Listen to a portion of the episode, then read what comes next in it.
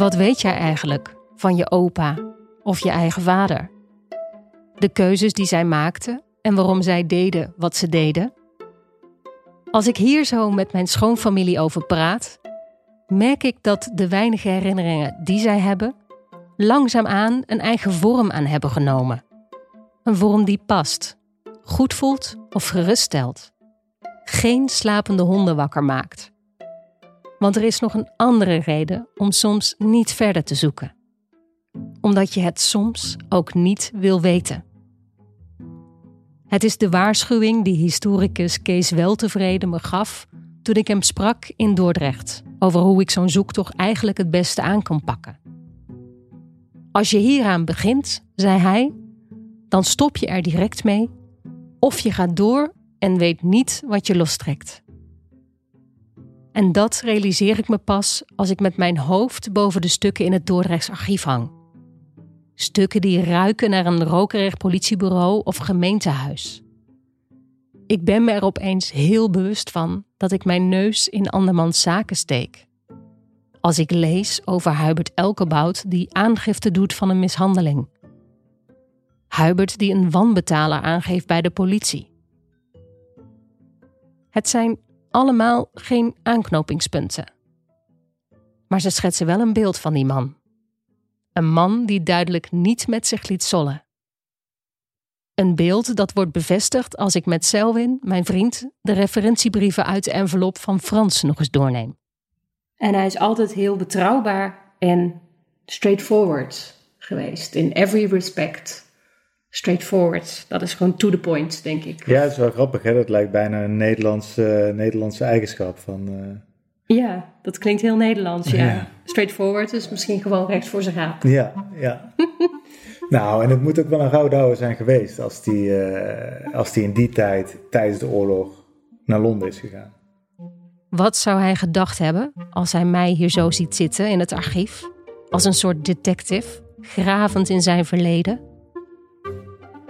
Als ik het papier pak waarin staat dat hij in 1920 weliswaar terugkeert uit Londen, maar pas zeven jaar later zijn gezin bij hem laat intrekken? Oh, heb je dat kunnen vinden? Meer vragen dan antwoorden. Oh, dat is de hele tijd zo.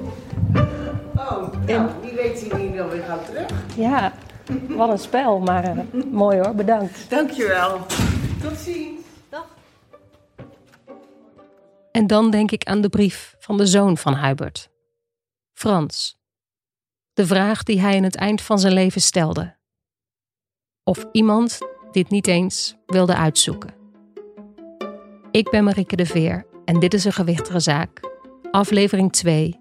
Een balance of risks and rewards. Hubert Elkebout, een jonge man van eind 20, vertrekt zonder duidelijke reden begin vorige eeuw naar Londen. Op zich niet heel ongewoon voor die tijd. Maar al snel kom ik erachter dat dit helemaal niet zo vanzelfsprekend was. En zeker niet zonder gevaar. Het was het begin van de Eerste Wereldoorlog toen hij besloot te vertrekken. Nederland zou neutraal zijn, maar rondom ons kleine landje lag alles in puin. De Duitsers trokken België overhoop en Engeland trok ten strijde. Een heel leger jonge mannen groef zich in langs de kusten van Frankrijk en massa's mensen sloegen op de vlucht. Europa was een smeulend vat waar een conflict woedde dat verstarde in een loopgravenoorlog. Een oorlog ongeëvenaard door de inzet van de nieuwste wapens: gifgas, machinegeweren, vliegtuigen en tanks. De oorlog die nog steeds als een van de meest verschrikkelijke oorlogen wordt omschreven en in andere landen niet voor niets de Great War wordt genoemd. En te midden van die oorlog ging Huip weg. Hij stak een zee over, die vol lag met mijnen en Duitse torpedoboten, om naar Engeland te gaan. En pas een aantal jaren na die oorlog keerde hij terug. Ja, maar nogmaals, dat was toen uh, normaler dan nu hoor.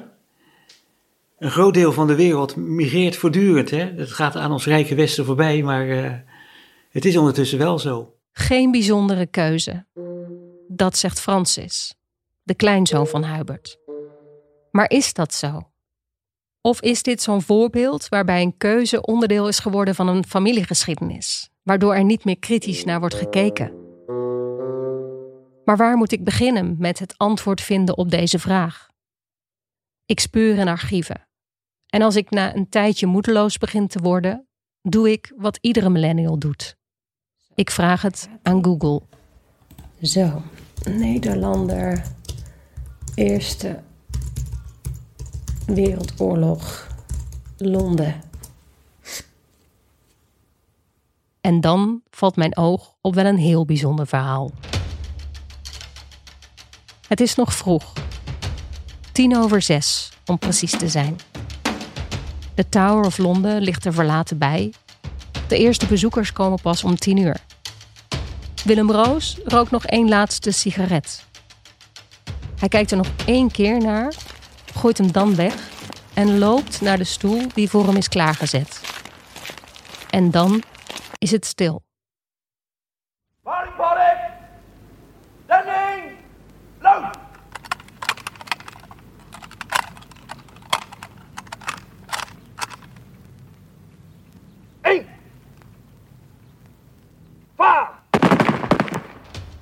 Op 30 juli 1915 wordt Willem Roos in alle vroegte geëxecuteerd in de Tower van Londen. Tien minuten na een andere Nederlander, Heike Jansen. Beide ontmaskerd als spionnen voor de Duitsers. Vier maanden later zet Hubert Elkebout voet aan wal.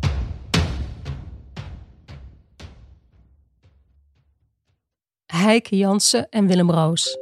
Twee spionnen. Zij vertrokken naar Londen in een periode waarin het niet heel erg voor de hand lag. Net als Hubert. Kijk, het is niet zo heel gek als je besluit om op enig moment je heil elders te zoeken. Sterker nog, dit is iets van alle tijden. Ik deed het zelf, wilde graag iets anders en vertrok naar Londen. Maar dat was in 2011. Niet te vergelijken met 1915. Europa was in oorlog, de grenzen op slot. Je moest wel gek zijn om Nederland te verlaten. Zeker als je een vrouw had en twee jonge kinderen. En niet veel Nederlanders deden het in die tijd. Tenzij je net als Heike Jansen en Willem Roos je geld verdiende als spion. En ik vraag me af, hadden zij en Hubert wellicht meer gemeen? Alle drie waren het oud-mariniers op zoek naar werk. Een achtergrond die, zo zal ik ontdekken, erg handig was als spion. En terwijl ik met dit verhaal in mijn achterhoofd op een nieuwe manier kijk naar alles wat ik heb van Hubert, kom ik bij historicus Edwin Ruis terecht. Hij weet alles van spionnen en schreef er een boek over. Als ik met hem spreek, realiseer ik me dat er een groot vergrootglas op Hubert lag toen hij in 1915 de oversteek maakte. Het is, is, is goed om te beseffen dat, dat voor de Eerste Wereldoorlog uh, uh, ja, mensen heel mobiel waren. Je had ook uh, paspoort bijvoorbeeld, een paspoort, een visa. Dat zijn echt dingen die pas in die Eerste Wereldoorlog zijn ingevoerd. Dus waar ik wil zeggen dat het dus eigenlijk niet zo vreemd is dat een Nederlander naar Londen gaat om het daar eens te proberen. En tijdens wordt het wel moeilijker hoor. Dus dat hij dat in 1915 doet, dat, uh, dat is nog steeds een beetje apart, zeg maar. Want als we het hebben over 1915, dan hebben reizende Nederlanders al de reputatie potentiële spionnen voor een vijand te zijn. Nederlanders die in 1915 naar Engeland reisden, werden zorgvuldig doorgelicht omdat ze wel eens spionnen zouden kunnen zijn. En het is dat verhaal dat ik het eerst vind als ik op zoek ga naar andere Nederlanders die in datzelfde jaar de oversteek maakten. Ja, dat, komt, dat hangt samen met onze neutraliteit. Hè? Dus een, een, een, Duitser kan niet meer naar Engeland reizen. Dat, uh, dat, dat, gaat niet meer, dan wordt hij meteen gevangen genomen. Uh, maar je kan wel een neutrale Nederlander erheen sturen. En dat doen de Britten ook richting Duitsland. Dus je ziet dat, dat beide partijen neutrale Nederlanders uh, uh, gaan inzetten als, uh, als spion. En dat betekent dat een Nederlander die veel reist, eigenlijk al bijna per definitie een verdacht persoon wordt. Vlak voor de Eerste Wereldoorlog werd in Engeland de inlichtingendienst opgericht die we vandaag de dag kennen als MI5. Zij hielden al het verkeer wat in en uit ging nauwlettend in de gaten. Op zoek naar enemy aliens. En om dat te illustreren, uh, vind ik het altijd nog het mooiste dat bijvoorbeeld Matahari, om dan meteen maar de bekendste Nederlandse spion erbij te, bij te halen. Uh, Matahari, die, uh, die wordt door de Britten al als verdacht aangemerkt als ze nog helemaal geen spion is. En er is nog iets. Volgens de brief van Frans zou zijn vader een gouden baan tegemoet zijn gegaan. En in de documenten uit zijn envelop zie ik brieven waarop staat dat Hubert van 1917 tot 1920 werkte als ingenieur. Maar informatie tussen 1915 en 1917 ontbreekt. Kijk, dat hij in 15 uh, tot 15, 17 heeft gespioneerd, dat, dat, uh, dat zou gezien de gegevens nog kunnen. Uh, maar daarna, daarna is dat uh, zeker afgelopen. Zeker niet tot 1920, want, want ik bedoel, Duitsland stort in in november 1918.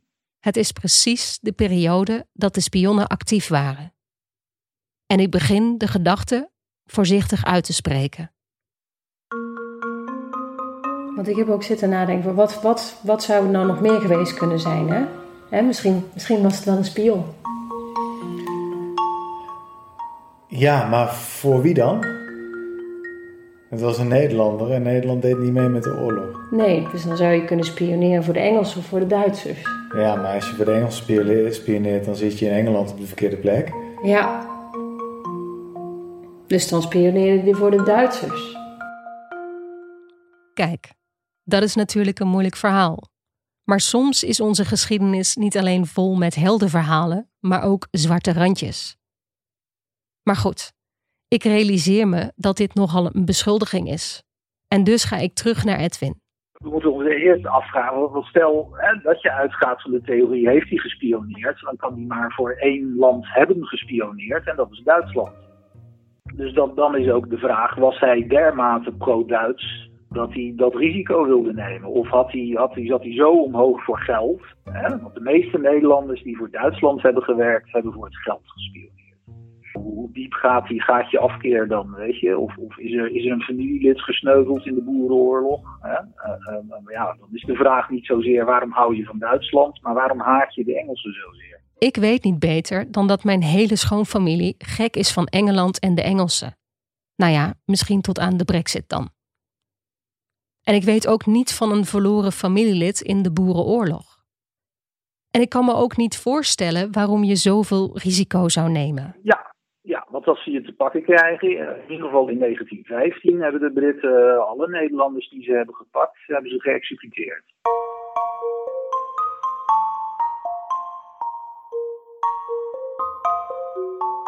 De Tower of London met zijn Traitors Gate, vele martelkamers en strafcellen is vandaag een toeristische attractie.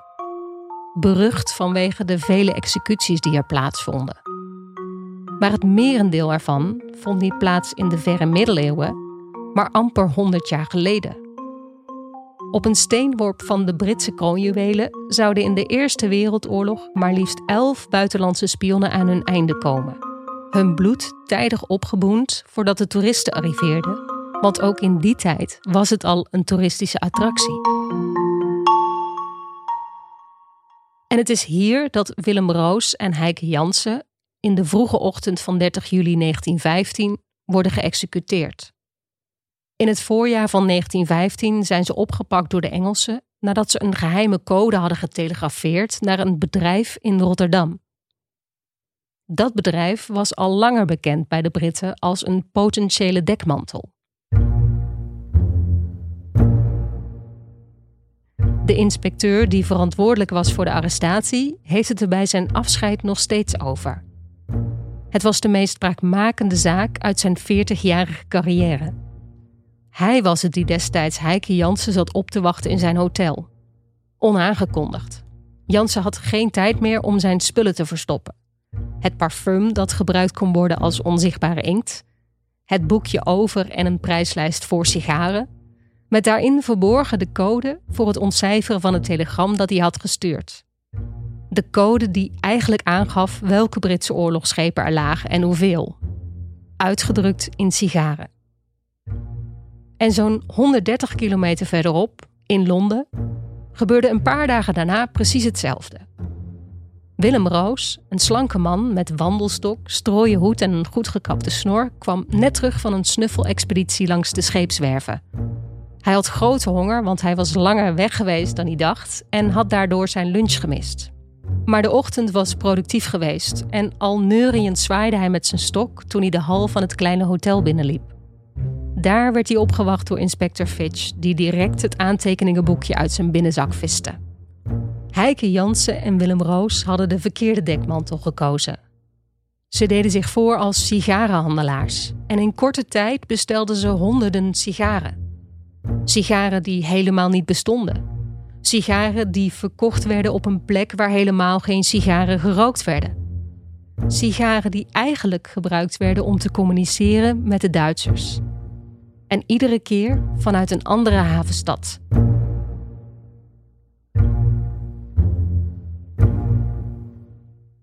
Het was allemaal vrij amateuristisch hoor. Je moet daar geen, geen, geen door Hollywood gecreëerd uh, ontzettend ingewikkeld beeld van hebben of zo. Dat, dat recruteren van spionnen. Dat was echt gewoon een kwestie van uh, biertje drinken en goh, wat vind jij van de oorlog en uh, bla bla bla bla. En goh, zou je voor mij in Engeland een brief willen posten? Heike Jansen en Willem Roos waren beide werkloze zeelieden die in de scheepscafés van Rotterdam rondhingen. En zowel de Duitse als de Britse inlichtingendienst ronselden hier hun spionnen. Ik kijk nog eens naar de foto van Hubert. Met die snor en scherpe blik ziet hij er niet bepaald uit als een dronken klaploper. Maar in werkelijkheid waren Heike Jansen en Willem Roos dat ook niet. Ze hielden weliswaar van een drankje en een sigaar op zijn tijd, maar de Britten zouden ze later omschrijven als vrolijke jongens. Vriendelijk, opgewekt, zelfverzekerd, dapper en zelfs suave. Jansen werd omschreven als een businessman of distinction. Joviaal en goed entertainment. Een man van weinig woorden. Het zou Hubert geweest kunnen zijn. Hubert die net als deze twee heren begin 1915 in Rotterdam aankwam. Belangrijk uh, om te weten is dat Rotterdam is het uh, grootste spionagecentrum van de Eerste Wereldoorlog. Het is Rotterdam waar, waar, waar echt uh, alle grote spionagediensten, MI6, nou, de Duitse geheime diensten, allemaal hun Europese hoofdkwartier hebben, zal ik maar zeggen. En zo verdacht als Hubert was voor een Engelse MI5-agent, zo aantrekkelijk was hij voor de Duitsers. Op zoek naar werk en informatie over de oorlog zal hij ongetwijfeld de vele scheepscafés en de havens zijn afgegaan. Lang moet het niet geduurd hebben voor hij een mooi aanbod kreeg. Laten we uitgaan van de mogelijkheid dat hij voor Duitsland zou hebben gespioneerd. Um, dan is de vraag, wat willen Duits... Dan gaat het over de Duitse inlichtingendienst en als je nu kijkt naar hun uh, inlichtingenbehoeften, dan, dan ligt die bij, vooral bij de vraag waar liggen welke Britse oorlogsschepen. En als je dan in Londen woont, dan krijg je daar natuurlijk niks van mee. Want daarvoor moet je reizen langs uh, Plymouth, een Harwich? Uh, uh, nou ja, al die Britse marinebases langs, de, langs de kust. Um, dus als je je wil afvragen, was hij een spion? Dan is, de, dan is de vraag, ja, maar wat voor werk had hij dan in Londen? Zat hij, hij eigenlijk alleen maar in Londen? Of, of gebruikte hij Londen als basis om reizen langs de Britse kust te maken? Als Huip een spion was, zou hij gewerkt hebben voor de Duitse marine-inlichtingendienst N. De N van Nico. Deze N stuurde Nederlanders naar de Engelse havensteden om daar Britse marineschepen te spotten. De Britse vloot was op dat moment onverslaanbaar op zee. En bij een oorlog op zee zouden alleen tijd en kennis de Duitsers kunnen helpen enige tegenstand te bieden tegen de Britten. En daarom wilden de Duitsers alles weten van de Britse vloot. Welke schepen liggen er, waar liggen ze en wat doen ze? Zowel Heike Jansen als Willem Roos werkten beide voor deze dienst N. En met hun achtergrond als oud-matroos waren ze natuurlijk perfect voor dit werk. En waar ze niet precies wisten hoe het zat, konden ze een zakboekje Hoe herken ik een Brits oorlogsschip raadplegen. En het was dat boekje natuurlijk dat hun dekmantel weggaf toen MI5 hun hotelkamer binnenviel. Maar ik weet niet of Hubert reizen langs de Britse kust gemaakt heeft. Of wat hij in Londen precies heeft gedaan. Bovendien kan ik hem in de periode na zijn vertrek, in de periode eind 1915 tot 1917, niet in Rotterdam plaatsen. Dus ik besluit door te zoeken op de gegevens in de brieven. Op de namen van de bedrijven, op de adressen van de bedrijven, het adres van Hubert, zijn voornaam, zijn achternaam en combinaties van dit alles. En dan vind ik iets. Het is een artikel uit een tijdschrift, Flight International, uit 1918. Dit wist ik dus niet, hè? want hier staat dus al dat het, hier staat gewoon dat het, uh, dat het was voor uh, vliegtuigen en onderzeeërs. En naval guns. Hubert Elkebout staat er, Dutch. Uh, T. Broeder, Dutch. Dus die maakte gewoon uh, metertjes voor, uh, voor de marine. En dat komt eigenlijk op neer samen met een andere Nederlander.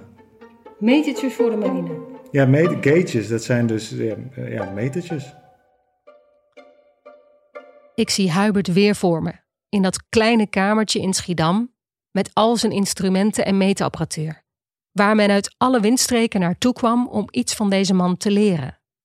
Zou hij in Engeland zelf overal langs gegaan zijn? Langs de scheepswerven of de vliegbasis? Als hij dit werk in 1915 ook al deed, zou dit hem de perfecte mogelijkheid geven om overal over de vloer te komen en kennis op te doen van de Britse marine of de luchtmacht. Ik bel met Edwin. Nou, dan wordt het, dan wordt het al, dan beginnen mijn, uh, mijn antennetjes overeind te staan. Ik zeg niet dat hij spion is, maar, maar als ik een Duitse inlichtingofficier was geweest, dan had ik hem wel een interessante figuur gevonden. En met de opgedane kennis zou hij om de paar weken terug naar Nederland kunnen zijn gegaan om te rapporteren. In dat geval zou Rotterdam zijn thuisbasis zijn geweest voor die periode. Maar kan ik Hubert na zijn vertrek in Rotterdam plaatsen? Ik bel naar het Rotterdams archief. Wat was de reden dat je dacht dat hij mogelijk in Rotterdam geweest kon zijn? Omdat hij van hieruit naar Londen vertrok of een andere reden? Of zijn zakenpartner? En als ik mijn theorie hardop uitspreek, voel ik me toch een tikkeltje naïef. Dat kan. maar ik ga niet te veel invullen. Hè? Ja, dat bedoel, ja. En dan denk ik dat het belangrijkste is inderdaad om te kijken wat, die, wat, die, uh, wat je kan vinden van die, uh, van die zakenpartner eventueel. Uh, dus inderdaad, ga vooral achter die, die T-broeder aan nazaten kunnen we niet aan helpen. Want,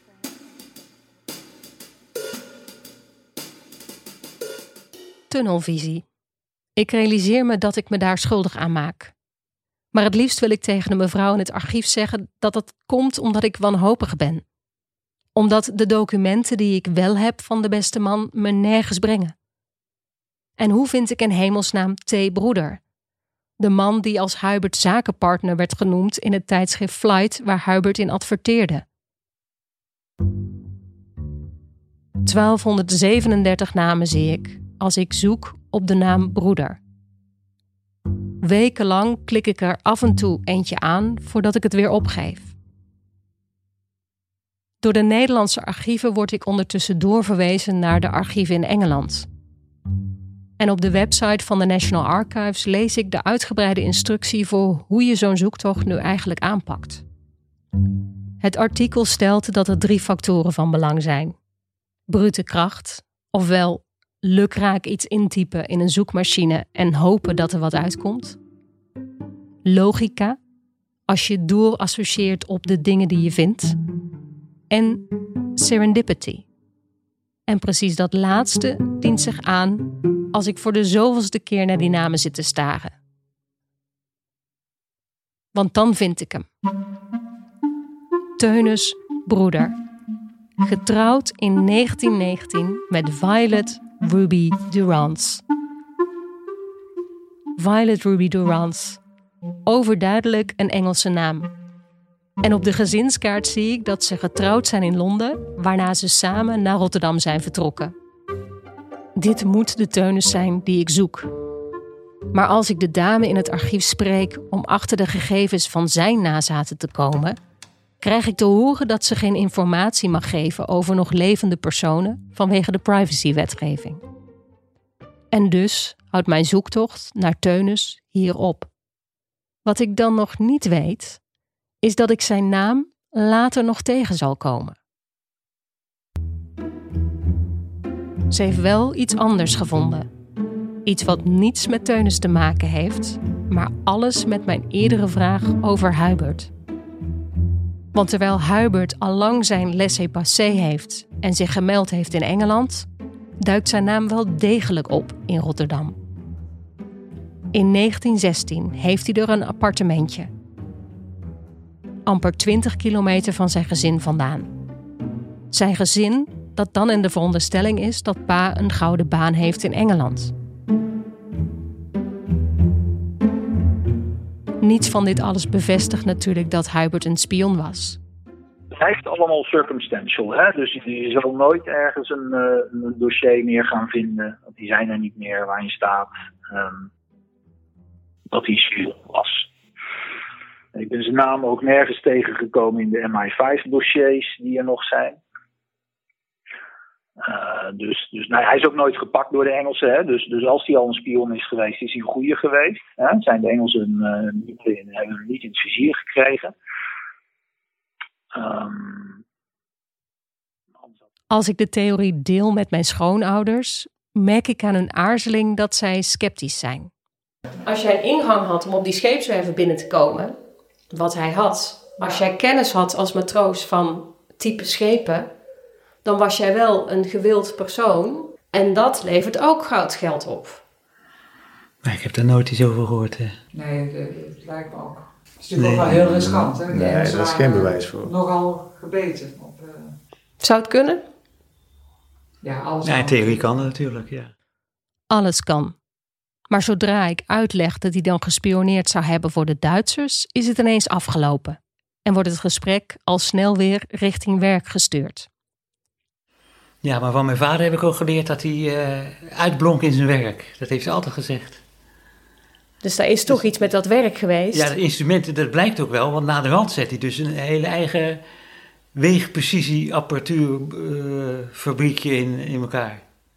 Als ik denk aan die gave van Hubert, vraag ik me af of hij het werkelijk nodig had om zich te verlagen tot het in die tijd nogal amateuristische vak van spion.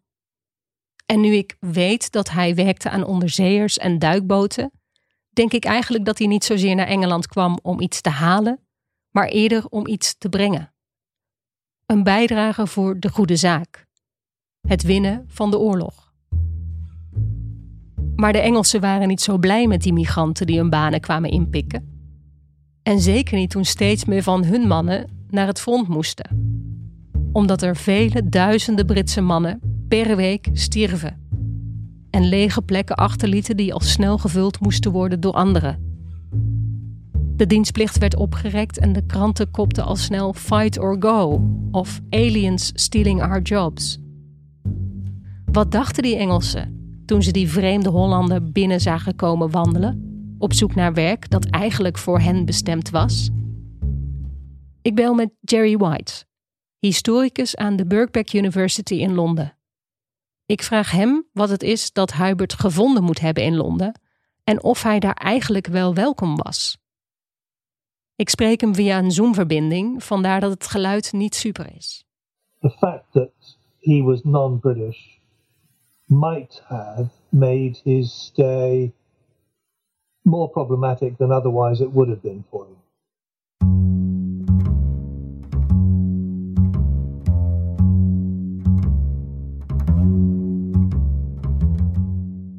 you must think about migration now. You know, a huge part of economic migration in the world is men moving on their own to earn money to send back home. And I think that this was uh, a rather, you know, a typical case of a man who could earn better money in London than anywhere else in Europe, and that his skills as a mechanical engineer were extremely valuable in London. you've got to remember that in 1915, London is the great armaments manufacturing centre of Europe. Not just of the UK, not just for the UK armies, but it is the great manufacturing centre of the Allies. The wages of a skilled engineer go through the roof in London, and, and I've I've little doubt that uh, Hubert was. Uh, is that how you pronounce his name? Hubert. Hubert was attracted to London most of all by the excitement of demanding and uh, energizing work and the rewards that could come to him as a skilled engineer. So, if I listen to you, you actually saying that he could do something there that he might not have been able to do anywhere else. That's exactly right. In, in this, my view, in my view, that's the great. He saw. I mean, after all, here was an energetic man who had worked outside Holland, um, in Belgium, and um, who um, knew he was worth a good deal of money, who you know was was keen to exercise his skills for the best reward that he could get. Those things, when he considered the rewards of working in London for what, a, you know, what, what was it, four or five years, I think he could have reasonably said, well, the rewards are such and the risks are such that it really is worth me taking this chance because he might never have had the chance again. And London again offered him the advantage to hone those skills, you know, to polish them in new industries like aero engines. Well, I, I think the answer is this it's an engineer's war. And at the end of the day, engineers were scarcer commodities than soldiers. In een oorlog waar tanks, vliegtuigen en onderzeeërs voor het eerst werden ingezet, waren ingenieurs natuurlijk onmisbaar. Engineers die oplossingen bedachten om die machinery of death, zoals Jerry het noemt, nog effectiever te maken. Want iedereen die een eind kan maken aan deze verschrikkelijke oorlog is natuurlijk een held. En voor iemand zoals Hubert was die intellectuele uitdaging onweerstaanbaar. En dus bevond hij zich in Londen. Een stad waar de tijd altijd stil lijkt te hebben gestaan, maar nergens zo snel gaat als daar waar hij toen hij eenmaal één stap zette, zich opeens op een ladder bevond en carrière maakte waar hij bovendien ook nog eens goud geld mee verdiende. But there was something about London that made him decide I am going to leave wife and children for five years because this is important to me. And I'm, I'm not sure if it's just the money or if it could be something else that he gained from moving there Well, of course, we don't know what his love life was was was like, but he he he went back to his wife and children. I take it. That's a difficult question. uh, did he not go back to his wife and children? Ik leg aan Jerry uit wat ik in het Dordrechts archief heb gevonden. Dat Hubert bij zijn terugkeer nog zeven jaar lang apart zal wonen van zijn gezin. Well, of course there may be another driver here which we just don't know about. But I mean, It's a mystery, isn't it? Stuurde Hubert wel geld naar huis? Zo niet, waar gaf hij het dan aan uit? En het is een mysterie waarom er nog zoveel tijd zat tussen zijn terugkeer en het moment waarop zijn gezin bij hem kwam wonen. That's, that's the mystery, I think. Wat hij in Londen deed is volgens Jerry glashelder. Maar het echte mysterie, dat zit hem volgens hem vooral in de vraag hoe het zat tussen Hubert en zijn vrouw.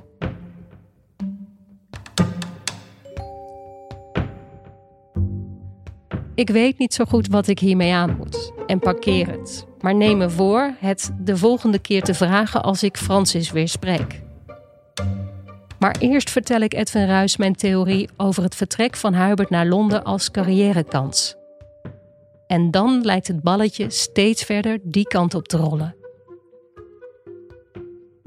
er zijn een hoop Nederlanders, uh, vooral mensen met een technische achtergrond, die zijn ook gewoon naar Engeland of, of naar Duitsland gegaan, omdat ze daar ja, voor veel geld konden werken in de oorlogsindustrie. Er schiet mij ineens een prachtig voorbeeld te binnen van zo iemand. Uh, dat was meneer Koolhoven. En Koolhoven was eigenlijk net als Fokker was een vliegtuigbouwer. Dat is bijvoorbeeld een voorbeeld van een techneut die naar Engeland gaat om daar uh, ja, uh, te werken. Even kijken, Frits Koolhoven is dat geweest. Frits Koolhoven, een vliegtuigbouwer. Zijn spoor volg ik in de volgende aflevering. En voor nu denk ik dat Hubert eigenlijk veel te slim was om zich in te laten met spionage. Het was een man die zich niet gemakkelijk liet beïnvloeden. En een leven als spion was geen gemakkelijke en zeker geen risicoloze keuze. Dus nu ik hem een beetje beter leer kennen, denk ik dat voor hem de kansen elders lagen, zoals Jerry White mij ook vertelde. Hij kon een kickstart geven aan zijn carrière en een rol spelen in het winnen van de oorlog. En met zijn ervaring in Londen zou hij na die oorlog alles kunnen doen wat hij maar wilde.